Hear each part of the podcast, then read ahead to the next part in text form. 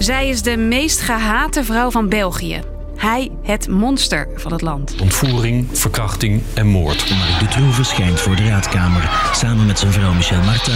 Hij sloot in totaal zes meisjes op in zijn kelder. Vier van hen overleefden dat niet. Michel Martin, die haar man Marc Dutroux hielp bij deze gruwelijkheden, komt deze week vrij. Wat gebeurde er eind jaren 90 en hoe verliep het leven van de meest gehate vrouw van België na deze zaak? Ik ben Hilde en ik leg het je uit. Lang verhaal kort. Een podcast van NOS op 3 en 3FM.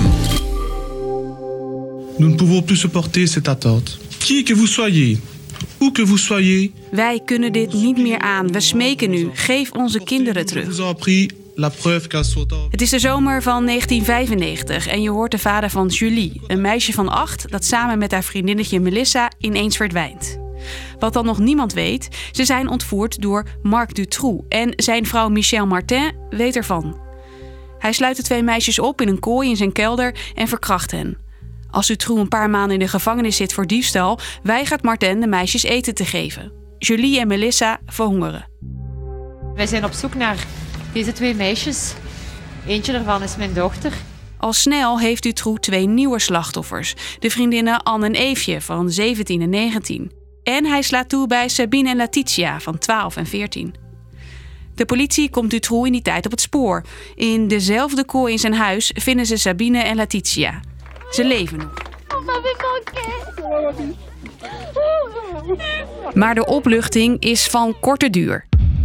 De politie vindt iets later de lichamen van de andere vier verdwenen meisjes. Je hoort de vader van Anne. Eén vraag voor ons is opgelost. Dat is dat wij. Wij niet meer hoeven te zoeken. Dat ze gevonden zijn. Al die gruwelijke verhalen die naar buiten komen, het zet België op zijn kop. Het was een bom ook omdat men onmiddellijk alle linken begon te leggen met alle mogelijke andere verdwijningen. Je hoort de Belgische journalist Georges Marcelin in TV1. Het leek wel alsof er geen eind aan zou komen dat alle mogelijke ontvoerde meisjes van dit land en misschien daarbuiten het werk waren van dit ene monster. Naast angst zijn veel Belgen ook boos. Want hoewel de politie Dutroux en Martin wel oppakt in 1996... De politie en justitie had veel sneller werk moeten maken van de zaak, vinden veel mensen. Ook de vader van de vermoorde Anne. Als men onmiddellijk de krachten had ingezet, zoals het team van Bourlet-Connerot nu, dan had deze begrafenis niet hoeven door te gaan. Dutroux en Martin moeten allebei de gevangenis in. Na jaren onderzoek begint in 2004 het proces. De Belgische kranten die staan er weer dagelijks helemaal vol van. Het proces Dutroux. Dutroux krijgt levenslang voor ontvoering, verkrachting en moord. Hij komt nooit meer vrij. Martin moet 30 jaar de cel in wegens haar medeplichtigheid. Zij maakt kans om vervroegd vrij te komen.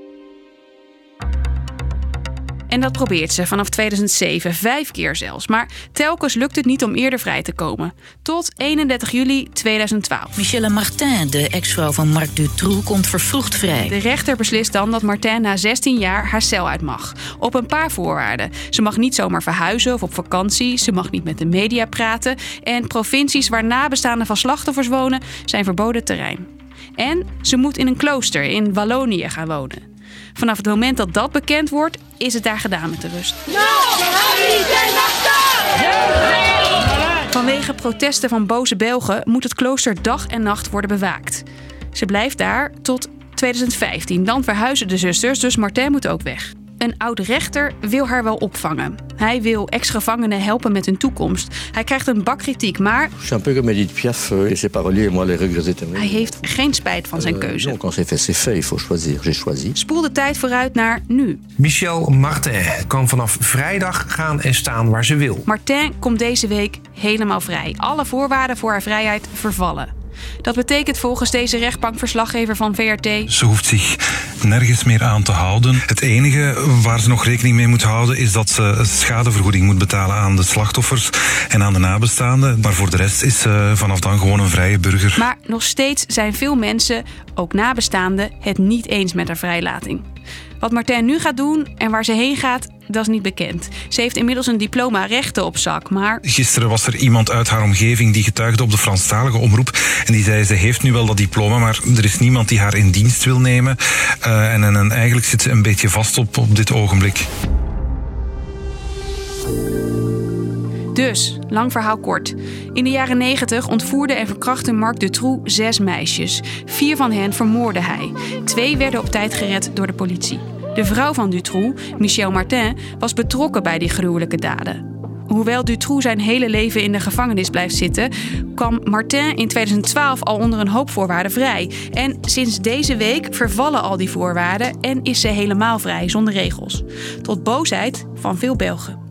Morgen rond de klok van vijf zijn we er weer met een nieuwe podcast. Bedankt voor het luisteren en tot de volgende.